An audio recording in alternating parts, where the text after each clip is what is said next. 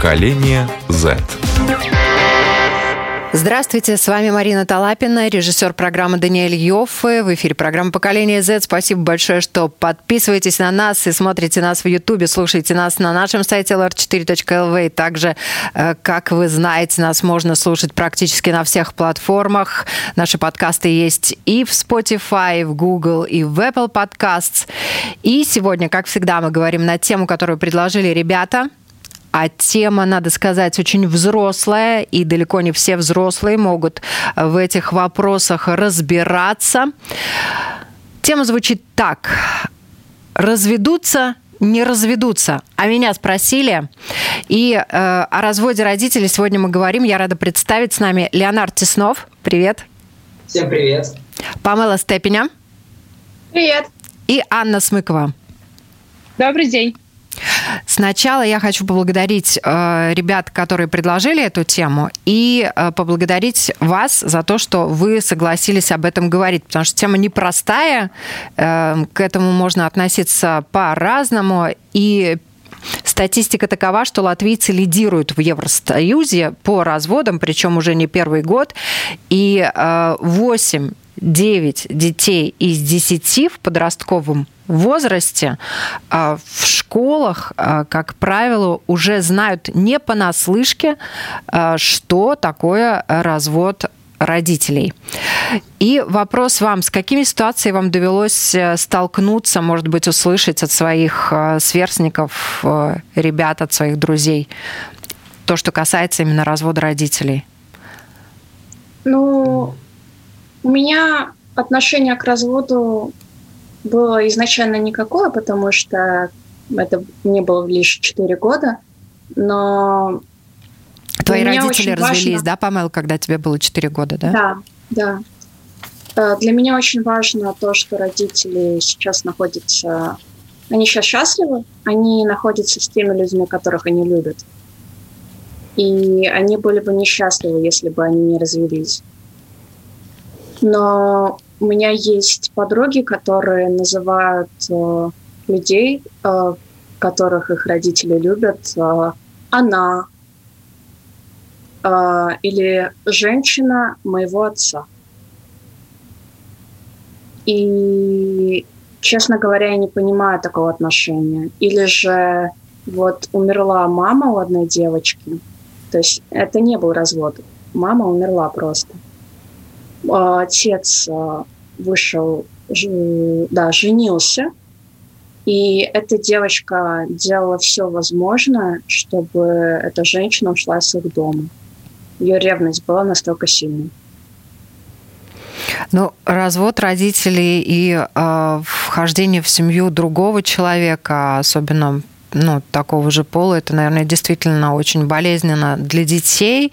Вот если взять ситуацию именно развода начнем с этого, да, вот э, э, разводятся по-разному, да, кто-то спокойно расходятся, и там даже если не сразу, но потом удается родителям между собой сохранять дружеские отношения, и, естественно, они и продолжают общаться с ребенком.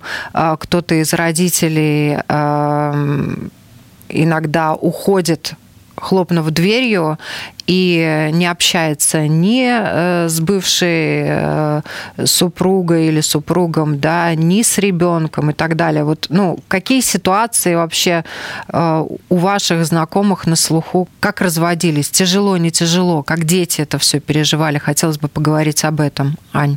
Ой, ну, ситуации разные. Чаще всего люди разводятся очень, ну, с моей точки зрения, некрасиво в последнее время, да, но кому-то, если так можно сказать, везет больше. Вот. Но, наверное, состояние, если мы говорим про ребенка, после развода родителей напрямую зависит от того, как родители себя ведут во время, ну, точнее, незадолго до, во время и после. Вот. Э, и, конечно, если э, отношения между родителями не то, что напряженное, в принципе, так как явно очень напряженное, то на ребенке это сказывается, потому что родители невольно могут начать перестаскивать ребенка на свою сторону. И эта игра похожа на перетягивание каната. И, конечно, тогда бывает очень сложно. Вот. э, ребенку в том числе. И, наверное, тогда развод это плохо. Нет, вообще как бы это неплохо. Если людям нехорошо вместе, зачем оставаться вместе ради детей? Просто главное, наверное, поддерживать какие-то адекватные дружеские отношения, чтобы всем было хорошо. Ты э, сейчас подняла очень важную тему, да, когда ребенок становится в руках родителей, э, ну, таким средством манипуляции. Часто вообще такое можно услышать? Блин, мои Иногда... родители разводятся, а, боже мой, господи, как они достали. Мне известны случаи, когда дети не могли решить, к кому идти отмечать праздники, к папе или к маме.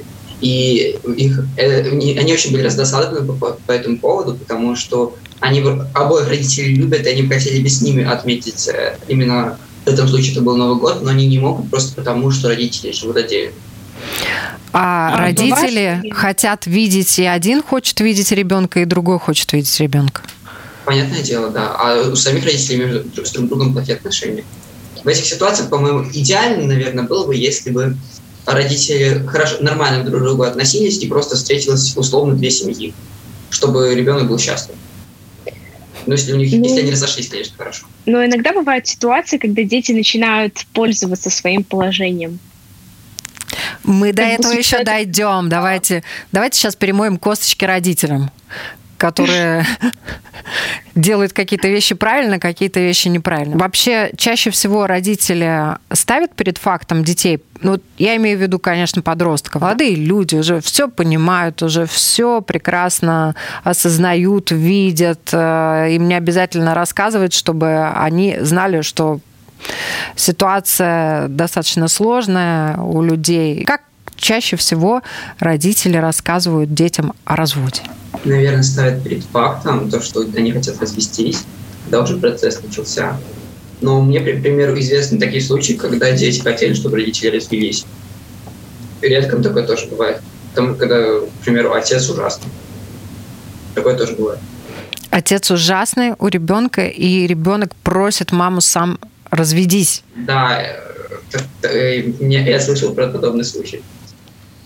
А он закончился не, ну... в пользу ребенка. Не, ну, в пользу ребенка просто... ребенок э, уговорил ну, родители... маму развестись. А, да, да, да, они, рас... они расстались. Это была он... мальчик или девочка? Мальчик. Мальчик, да. А отец, э, он, он был деспотичен? Он Что? Они фактически не развелись, а отец умер.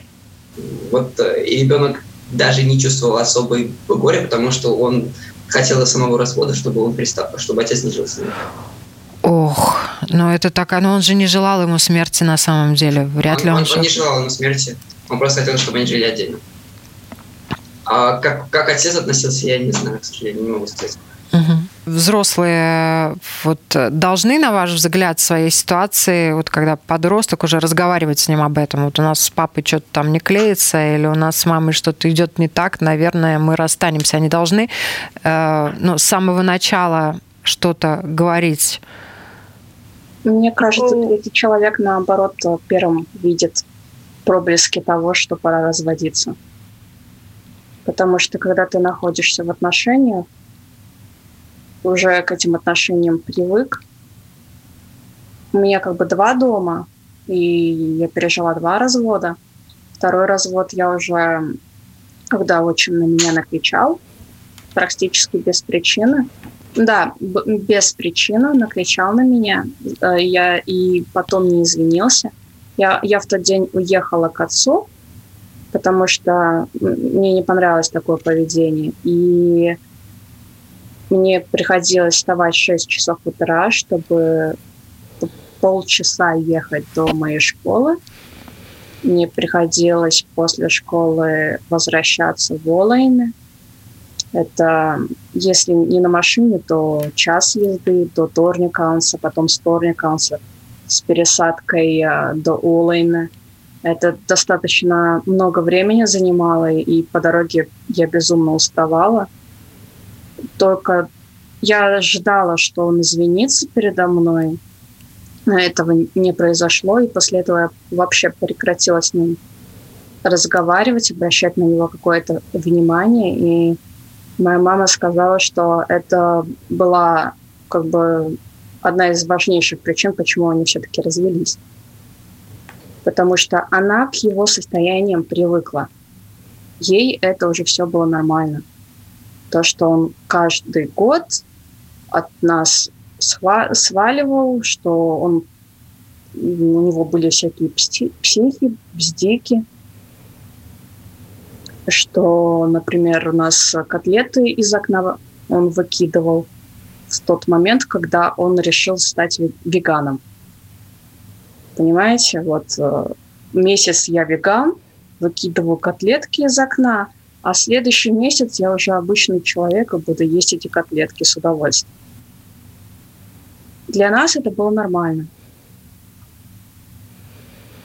Сейчас я смотрю на это и думаю, блин, как это может быть нормально? Как?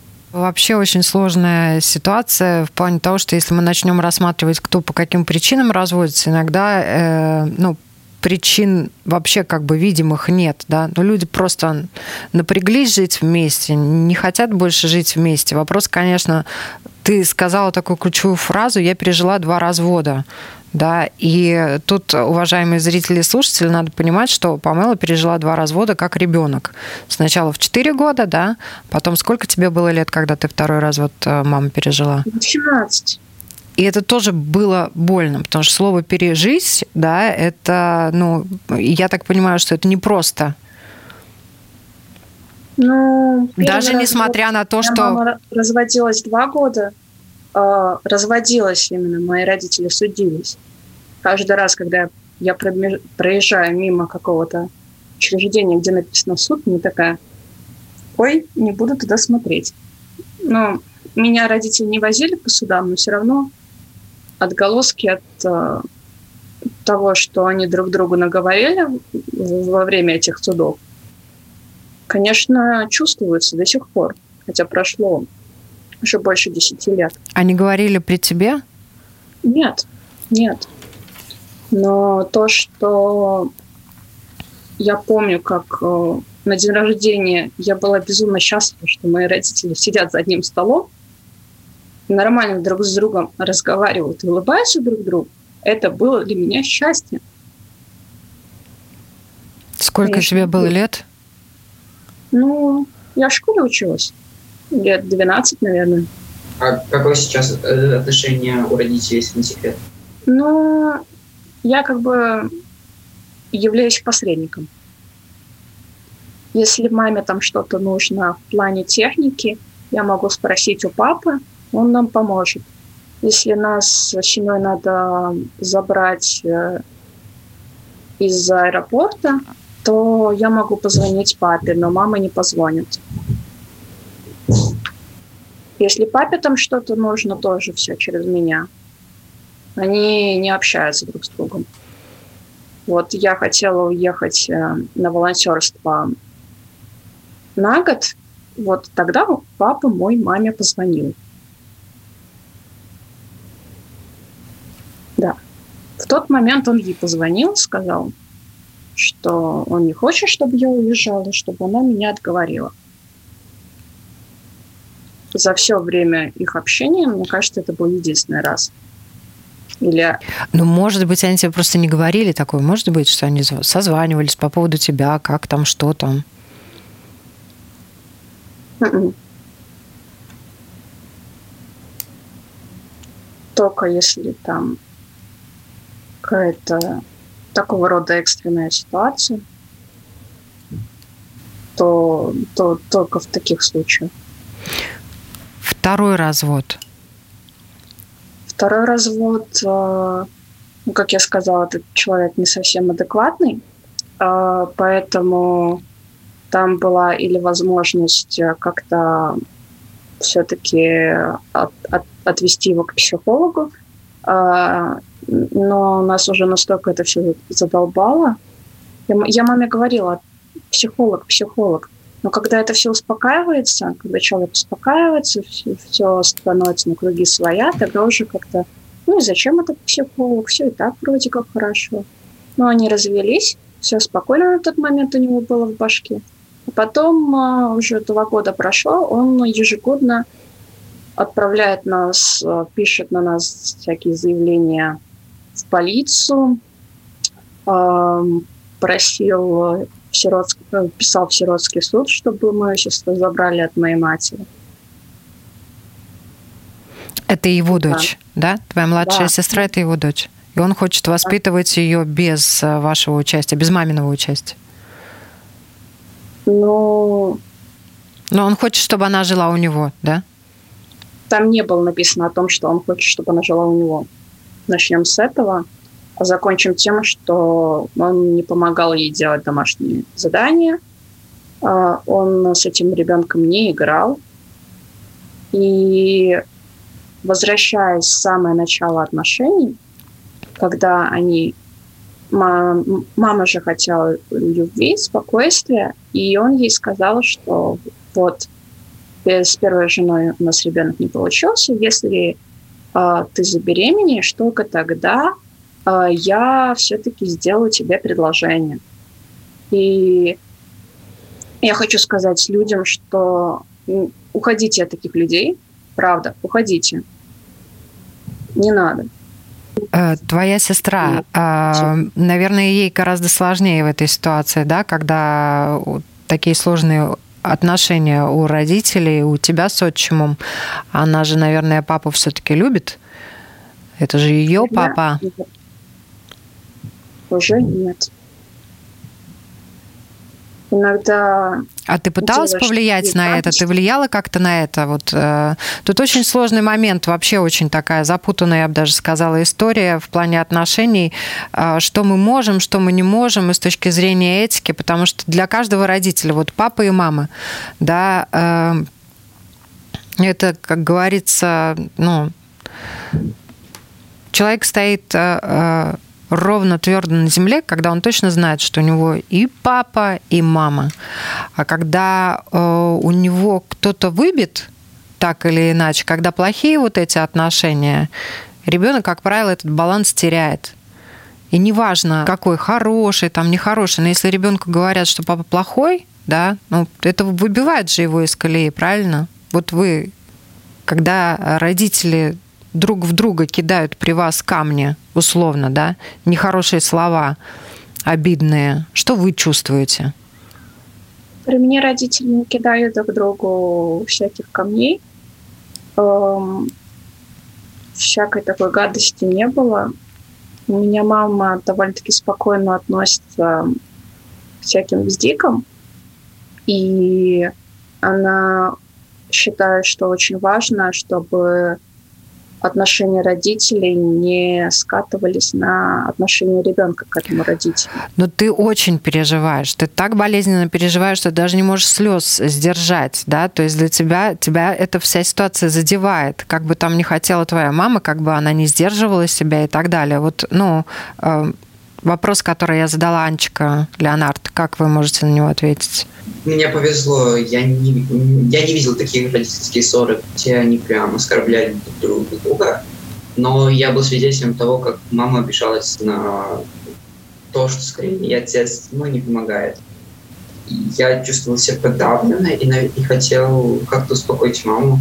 Были такие ситуации, когда после ссоры папа хотел мириться с мамой, он просил мне, например, ничего не говорить, и я с радостью помогал, потому что мне было важно, чтобы родители чтобы все в семье было хорошо. Чтобы ты не говорил что? Кому? Там была такая ситуация, что папа хотел сделать коллаж с нашими фотографиями как подарок маме. А, у них тогда была ссора. И он попросил меня ему помочь э, и не говорить... Ну, устроить маме сюрприз, да. Ага, да. поняла. Но это скорее был как э, акт для примирения. Ну, конечно, да. Угу. Анечка. Ну, я как бы отношусь довольно равнодушно к этому всему. Да, меня больше задевает какое-то напряжение, которое творится в этот момент, но так, когда ты взрослый, достаточно адекватный, ты можешь ну, оценивать ситуацию, понимать, что вот это родители это их дело, и есть ты. Вот, и как-то я так себя ограждать в этой жизни научилась, скажем так.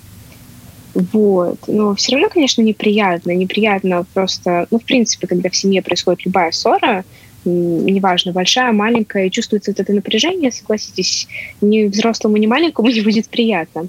И когда дети чаще всего пытаются помирить родителей, это срабатывает а, их защитный рефлекс, мол, э, я хочу находиться в безопасности, я сделаю все, чтобы эту безопасность дольше продержать в семье. Вот. Так что это больше не для примирения родителей, а для жизни спокойно в семье, скажем так. Но это такие взрослые вообще на самом деле высказывания, да, и, конечно, понятно, что любой ребенок хочет, чтобы у родителей было все хорошо, чтобы он жил спокойно, чтобы он был защищен, чтобы его защищали и мама, и папа, да, но вот жизнь такая, какая она есть, да. А, разводов, к сожалению, становится все больше и больше, у нас в стране, в Латвии тоже. Но мы лидируем реально по разводам в Евросоюзе. И э, это жизнь, от этого не уйти. И все это происходит и на ваших глазах, и на глазах других детей, да. Вот идеальная картина, да, и реальная картина. Что в реале происходит, ну как было бы хорошо. Давайте на эту тему порассуждаем. Вот э, уже упоминалось о том, что некоторые родители пытаются сохранить отношения ради ребенка. Как вы на это смотрите, Леонард? Я считаю, что в этом нет смысла. Э, если оба родителя это понимают, то они могут спокойно разойтись, найти себе лучше пару и потом воспитывать ребенка совместно, предположим, то, что один день э, ребенок с отцом, а другой день с матерью. И ребенок как бы воспитывается обоими родителями, и родители, у родителей не напряженные отношения между друг другом и все, и все вроде бы хорошо. И родители счастливы, потому что они нашли себе новую любовь, живут счастливо. Но ребенку мотаться туда-сюда. Э, иногда, если, если, знаете, э, у подростков есть такая вещь, то, что если они долго пробыли в отношениях, они, когда расходятся, они остаются друзьями. Почему после развода у многих это не получается, мне непонятно. О, вот, Ани есть ответ. Раз, я, я как раз дополню. А, на самом деле де, э, тема вот таких, не, скажем так, нехороших разводов э, и темы сохранения отношений ради ребенка, они очень тесно связаны. Как бы смешно это ни казалось, потому что э, у нас как бы такое постсоветское воспитание, там полная семья — это важно. Неважно какая, главное, чтобы полная. Э, я скажу, что я противник такого, потому что главное, чтобы всем было хорошо. Если всем хорошо, ребенку будет хорошо. Вот такая простая истина. И в наше время все пытаются сохранить отношения до последнего. И это всегда входит до того, что люди просто начинают друг друга, мягко говоря, не любить, грубо говоря, ненавидеть просто. От этого, опять же, страдает ребенок. И они, конечно, уже расходятся вот на, этой, на этом пике, на этой точке кульминации, когда уже хорошие отношения невозможно сохранить. Ну, просто невозможно. Уже много всего сказано, много всего сделано, того, что не нужно, наверное, было бы. Вот. Э, и мне кажется, для сохранения дружеских отношений важен своевременный развод. Вот так вот. Вот это мое мнение. Разводиться надо вовремя, уважаемые родители, если вы нас слышите. Ну, Но, может быть, а, они не разводятся не только из-за ребенка, потому что надеются, что им удастся вернуть былые чувства и жить э, радостью, счастьем. Ну, мы говорим сейчас ну, про разные этапы. То есть э, просто когда люди пытаются ради себя, они как бы еще борются. А когда ради ребенка, они просто стараются терпеть друг друга уже они теряют время, они просто как бы, ну, уже терпят друг друга, потому что они такие, мы хотим, чтобы ребенку было хорошо. Но чаще всего ребенка даже и не спрашивает в этом случае. Как бы смешно это тоже не казалось, но родители вдруг решают, что они знают, что ребенку лучше, а многие дети, которые жили в таких вот в таких семьях, они вам сразу ответят, лучше бы родители развелись и все были счастливы.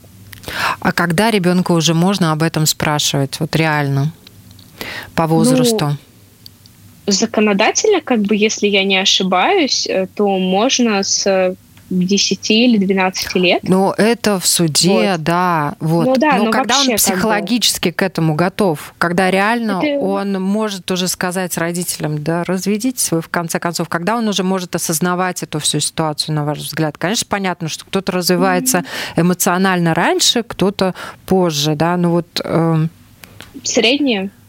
Ну, мне кажется, что в 10 лет уже ребенок, в принципе, способен понимать, что происходит вокруг 9-10 лет. Памел. Вот. Ну, я знаю историю, где девочке было лет 5, и э, то ли она сама попросила родителей развестись, то есть, если есть какие-то проблемы, и то ли родители сами развелись, и она была счастлива, э, что они все-таки развелись за, за каждую из родителей. Но суть в том, что если есть какое-то напряжение в семье, то его нужно решать, его нужно обговаривать. Э, некоторые семьи разводятся э, именно потому, что появляется третий человек в семье. Три, э, как бы коммуникация между двумя людьми, коммуникация между тремя людьми – это не одно и то же. И нужно учитывать, что вы живете уже не вдвоем, не один человек, как бы. Э, Ты имеешь в виду а, ребенка это, появляется, когда появляется ребенок, да? Да, когда появляется ребенок, это полноправный член семьи. Об этом надо помнить. Ну, это бесспорно. Но понятно, что у годовалого ребенка, там, у трехлетнего ребенка и даже у пятилетнего, ну, наверное, спрашивать, э, разводиться или не разводиться, это все-таки безответственность со стороны родителей, да, перекладывать ответственность на кроху трехлетнюю, годовалую, не имеет смысла. Да, тут будут решать родители без включения ребенка. Но когда ребенок уже в подростковом возрасте, э, вот тут э, вопрос родителям надо надо советоваться с ним на эту тему или не надо советоваться? Надо ставить просто его перед фактом или э, а, все-таки посвящать? Тут такая очень тонкая грань. А, родители, с одной стороны, советуют, с другой стороны, как бы перекладывают свою ответственность за отношения на ребенка. И вот, как Анечка сказала, очень легко скатиться в какие-то такие плохие варианты с перетягиванием каната как раз-таки на эту тему спрашивает ли у ребенка, вы садитесь втроем одновременно и разговаривайте вместе. То есть вы как бы не просто спрашиваете у ребенка, разводиться, не разводиться, а вы начинаете об этом как бы разговаривать. Мне кажется, да и любой ребенок, в принципе, достаточно взрослый и адекватный, скажет родителям, да, конечно, лишь бы вы были счастливы. Мне кажется, 90% детей так бы сказали, если бы с ними адекватно поговорили. И если бы, ну, это проходило все так, если что бы, если там, бы, один но есть родители дома. и есть дети, которые очень болезненно пере, переносят вот этот разрыв родителей. Если была очень хорошая семья, если все время ездили, если девочка любит папу, вот ей очень трудно представить, что папа теперь будет жить не с ними. Когда mm-hmm. теплые отношения у детей с обоими родителями ну, честно говоря, я честно скажу, а. мне тяжело это представить, так что я не могу как-то посочувствовать этой ситуации и так далее. Как бы ребенок не хотел этого, родители все равно рано или поздно разведутся. А, это просто оттягивание неизбежного, и это затягивает, это будет затягивать в дебри плохих отношений. Поэтому я считаю так, родители, если родители понимают, что у них ну, ничего больше не может быть вместе, и где же только ребенок, то они должны объяснить, наверное, ситуацию ребенку, что они больше не любят друг друга, что они все еще любят этого ребенка и будут уделять время ему и ухаживать за ним. Но только теперь, к примеру, папа будет с другой женщиной, мама будет с другим мужчиной. И очень важно, чтобы а... этот диалог проводили два человека, а не один. То есть, чтобы они говорили вместе в один э, и тот же момент, да, в один период, в, в одно да, время. Тогда ребенок будет чувствовать, что у него не один дом и кто-то там на стороне, а что у него действительно два дома что он может и там, и там прийти, у него и там, и там будут вещи. Понимаете, главное, это ну не ситуация, а как вот тебе ее донесут, как тебе расскажут, как объяснят. И ребенку также важны не слова, ну, а действия, чтобы ему действительно полегчает, когда он не только услышит, но и увидит, что все хорошо. Ну, вы говорите с немного такой точки зрения правильно, как правильно, но нет такого правильно или неправильно когда ты подходишь к телефону, э, приезжает, возвращается муж, ребенок подходит к телефону, э, муж с поездки очень дальний приехал, там три месяца не было его, э, и в телефонной трубке вопрос, а, а где он, почему он ко мне не приехал, я его с ребеночком жду. Немножко поясни ситуацию, я не поняла. Э, родители поссорились. После этой ссоры муж уехал в командировку. После командировки он возвращается домой и поступает вот такой вот звонок. Какая должна От кого быть кому поступает звонок? От любовницы э, жене поступает такой звонок. Нормальная реакция нормального человека будет истерика. Если и, и уже, так, э, уже дело до обсуждения чего-то уже не будет. Бывает, это, это не одна такая история. Есть огромное количество различных историй, где люди просто не способны друг другу посмотреть после этого в глаза. Ну, это такие грязные вещи, наверное, да, и это уже когда касается истории не дети взрослые, а дети и взрослые и их другие взрослые, да. Ну, то есть э, тут Вообще, конечно, самая такая, наверное, э, важная вещь э, – отношения взрослых, отношения взрослых с детьми. Да? Вот некоторые взрослые оберегают своих детей и не посвящают их вообще ни во что – да? Дети, может быть, догадываются, может быть, не догадываются, может быть, сохраняется такая иллюзия э, хороших отношений э, у папы с мамой, да, они вместе ездят отдыхать, они вместе проводят время, и все хорошо, да, а есть отношения взрослых, когда они там устраивают э, хай при ребенке, ребенок все видит, они повышают друг на друга голос, они устраивают разборки все эти и так далее. Вот э, поведение каких родителей, на ваш взгляд, более приемлемо? Что для детей лучше? Я думаю, что вот эта картина Happy Family, когда вроде бы все хорошо, а потом ребенку говорят, что мы расходимся, гораздо лучше, потому что ты, ты а будучи ребенком, ты просто тогда не берешь на себя весь этот груз э, нездоровых отношений родителей они отошли, поговорили, решили свои проблемы, и ты просто потом узнаешь, что они разводятся, это, по-моему, лучше. Uh, у меня была такая ситуация, что у подруги два раза родители хотели разводиться.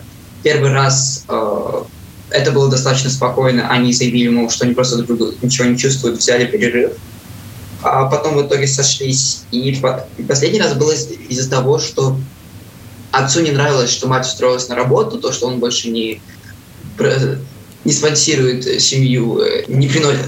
Поэтому он э, хотел развод. А, и тогда уже ребенок был впутан во все эти разборки между родителями. И я все это время как бы общался с этим, э, с ней. И я могу сказать то, что когда родители спокойно расходятся, ребенку легче это пережить. Он просто один раз чувствует вот эту боль за то, что родители хотят разойтись, и все. А так это постоянно. Э, каждый раз, когда происходит этот скандал, э, она мне писала и говорила, как это ужасно. Спасибо. Ань? Ну, честно, ну, я, я не знаю, как ответить на этот вопрос. Каждому свое. Как бы меня бы, наверное, это, ну, вот картина счастливой семьи, а потом, когда оп, резко развод. Но у меня, наверное, было бы слишком много вопросов, на которые бы я, наверное, не получила никогда ответа, потому что я бы много не видела, не знала. Вот, ну, потому что я просто такой человек. Опять же, мы все разные.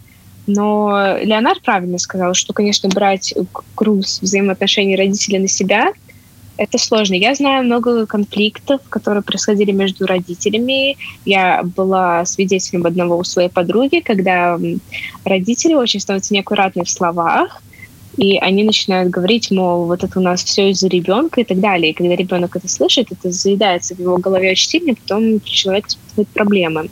Вот. Но, в принципе, я не знаю, я бы была чест, честна с ребенком. Да, конфликты при ребенке такие очень громкие, это плохо, но просто как бы постепенно объяснять ребенку, ну вот что вот так вот все происходит, это к этому идет. Я думаю, что тогда он именно душевно спокойнее это все перенесет. Но опять же, мы говорим про довольно-таки ну, осознанный уже возраст. Я не представляю, вот как, каково было по Мэйне на самом деле, потому что мне ну, совершенно другая ситуация в жизни была. Я буду честна. И когда э, ребенок маленький, да, то, наверное, действительно не надо его вообще ни во что втягивать. чем старше ребенок, тем более будет он в это впутан. Без вариантов. Без вариантов. Потому что он уже взрослый, осознанный, он видит больше, понимает больше, чем пятилетнее дитя. Просто потому что он осознанный, он знает, что такое взаимоотношения между людьми, и плюс он знает своих родителей, он будет все равно это чувствовать. Вот и все. И, конечно, у него будут вопросы, он не будет оставаться в стороне и ну, молчать и ждать какого-то ответа. Он подойдет к маме или папе и спросит, что такое. Ну, и за этим последует какой-то рассказ, ответ и так далее. То есть это не будет как у пятилетнего ребенка, что, мол, ну, как родители пятилетнему ребенку, вот э, как взрослому, что ли, сядут и объяснят, как это происходит. Да, так может быть, но это сработает, не знаю. Лео, ты хотел Есть добавить? Такая, да. Есть еще такая ситуация, что иногда э, родители ребенка, у них, например, проблемы с друг другом, и они начинают ребенку выливать душу, будто это какая-то подружка своя, с которой можно поделиться всеми проблемами. И это, по-моему, тоже ужасно, потому что ребенок тогда, он знает, он видит не только общую картину и чувствует, так он еще и знает чувство матери, потому что это обычно делают матери, и может начать э, очень плохо относиться к отцу, потому что слышит только одну историю. И это, это называется мешает. перетягивание канатов. Ну, перетягивание да. канатов. Оно начинается еще до развода. На самом деле. Поэтому, наверное, действительно честно сесть э, и поговорить. Памел, вот э, твоя ситуация, наверное, самая такая очень сложная, больная, и э, вот эта вся боль, которая сидит в тебе из-за отношений взрослых людей. Ты уже сама взрослый человек, да? В отношениях с твоим отчимом ты была в это вот все втянута по своей воле, не по своей воле и так далее. Эм, для тебя самой какой вариант был бы и выход наиболее лучшим? Пойти к психологу. У тебя Все была такая возможность? У нас э, нет, почему-то они не пошли к психологу. Они должны были Потому пойти что... к психологу или ты? на тебя вот возлагали этот груз ответственности, что ребенок виноват, как, например, там нет. Анечка сказала, нет? Тебя нет. не винили ни в чем, да, слава богу? Проблема в том, что если взрослые не пойдут к психологу э, изначально, то им все равно потребуется этот психолог, но они уже настолько испортят отношения друг с другом, что им будет противно находиться вместе и разбирать все эти ситуации. Бог с ними, со взрослыми. Ребенку в такой и... ситуации, вот как ты оказалась, нужен психолог? В первую очередь психолог нужен этим родителям, а не ребенку. А ребенку не нужен? Как у нас произошло. Если бы мы пошли изначально к психологу и разобрали все эти ситуации, возможно, бы брак сохранился. Да, нет, не знаю. Ты не говоришь, важно. если бы мы пошли к психологу, если бы мама с отчимом пошла к психологу, а если бы мы пошли к психологу, вот психолог, ты уверена, что не нужен ребенку в такой ситуации психолог? Или ты хочешь Зависит пойти с ними вместе? Зависит от психолога, потому что я помню отчетливо фразу психолога, которая увидела только одну сторону медали, э, историю от моей мамы, и сказала, что нужно как бы реже меня отправлять к отцу, что-то такое. Ну, ты присутствовала при этом? Да, да, да, да, да. То есть. Это когда ты была маленькая девочка еще? Да, я отправлялась на выходные к отцу. Там скажем так, был рай для ребенка. Потому что там был и папа, и бабушка, и какие-то наши общие знакомые дети. То есть мне там было весело. Я возвращаюсь обратно домой. Мама учится, мама работает. А, с садика меня забирали последнюю. Или там нянечка забирала и мною занималась.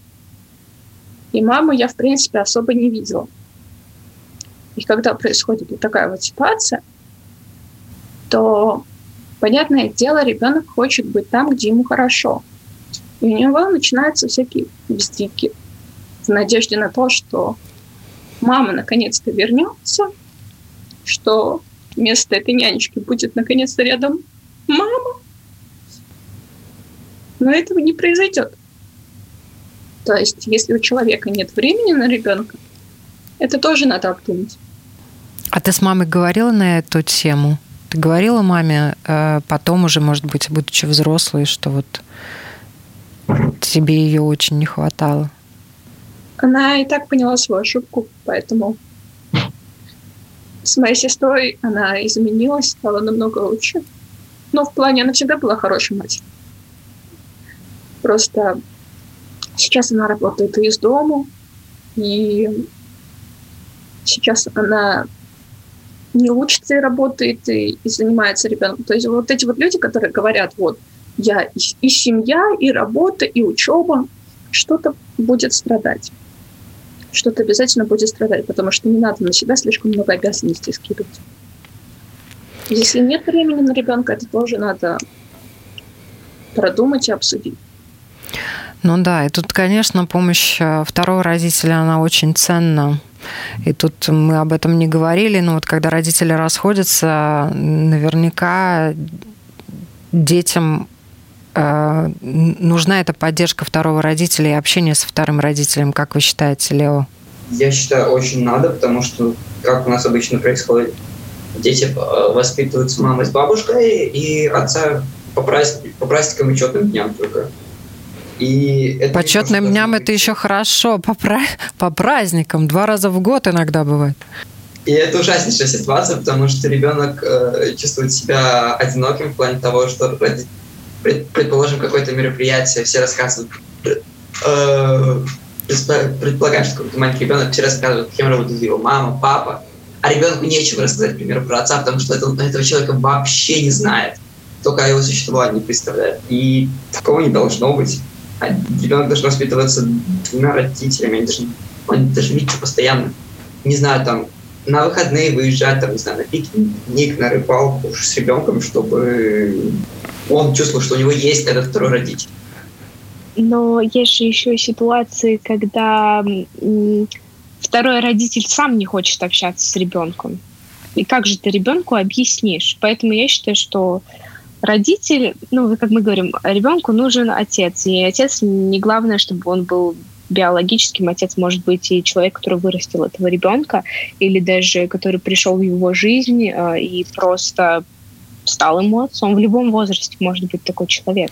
Но второй родитель, поддержка, должен опора быть. должен быть, да? Да эти, этим родителем может стать на самом деле не обязательно ну, твой биологический отец, не обязательно там какой-то человек, с которым, ну, потом с детства мама, тебе просто нужен какой-то второй персонаж, вторая ролевая модель в жизни, это абсолютно нормально.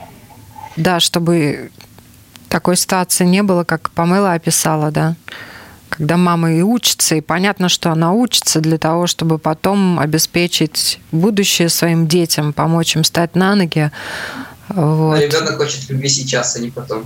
Да.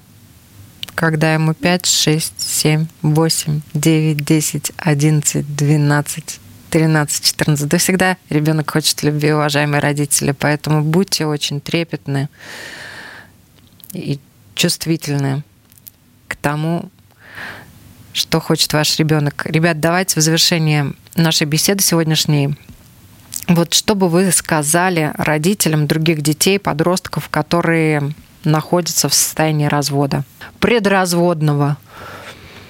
Наверняка уже ничего не избежать, и скажите ребенку, что его это ждет, потому что он хотя бы приготовится к тому, что теперь ему придется жить с одним родителем, проводить больше времени, чем с другим. Разговаривайте. Это единственное, что я могу сказать. Это выход из любой ситуации разговор, общение, да? Держите в своей голове, что вам все равно придется видеться друг с другом, и что у вас есть общий ребенок, может быть, общие дети, а какое-то общее имущество и общие знакомые, друзья, что вы будете находиться э, все равно как-то выйдет, что вы будете находиться в одних и тех же местах. Э, например, на свадьбе ребенка вы должны это принимать и осознавать, что вы будете видеть друг друга. То есть не надо кричать, орать, э, выливать грязь. Постарайтесь расстаться друзьями. Да. Спасибо вам большое за этот разговор, искренне, откровенный, честный.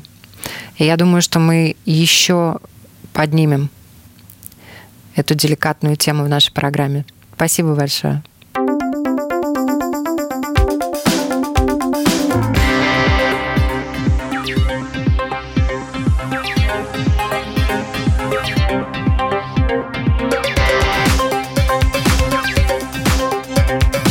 Поколение Z.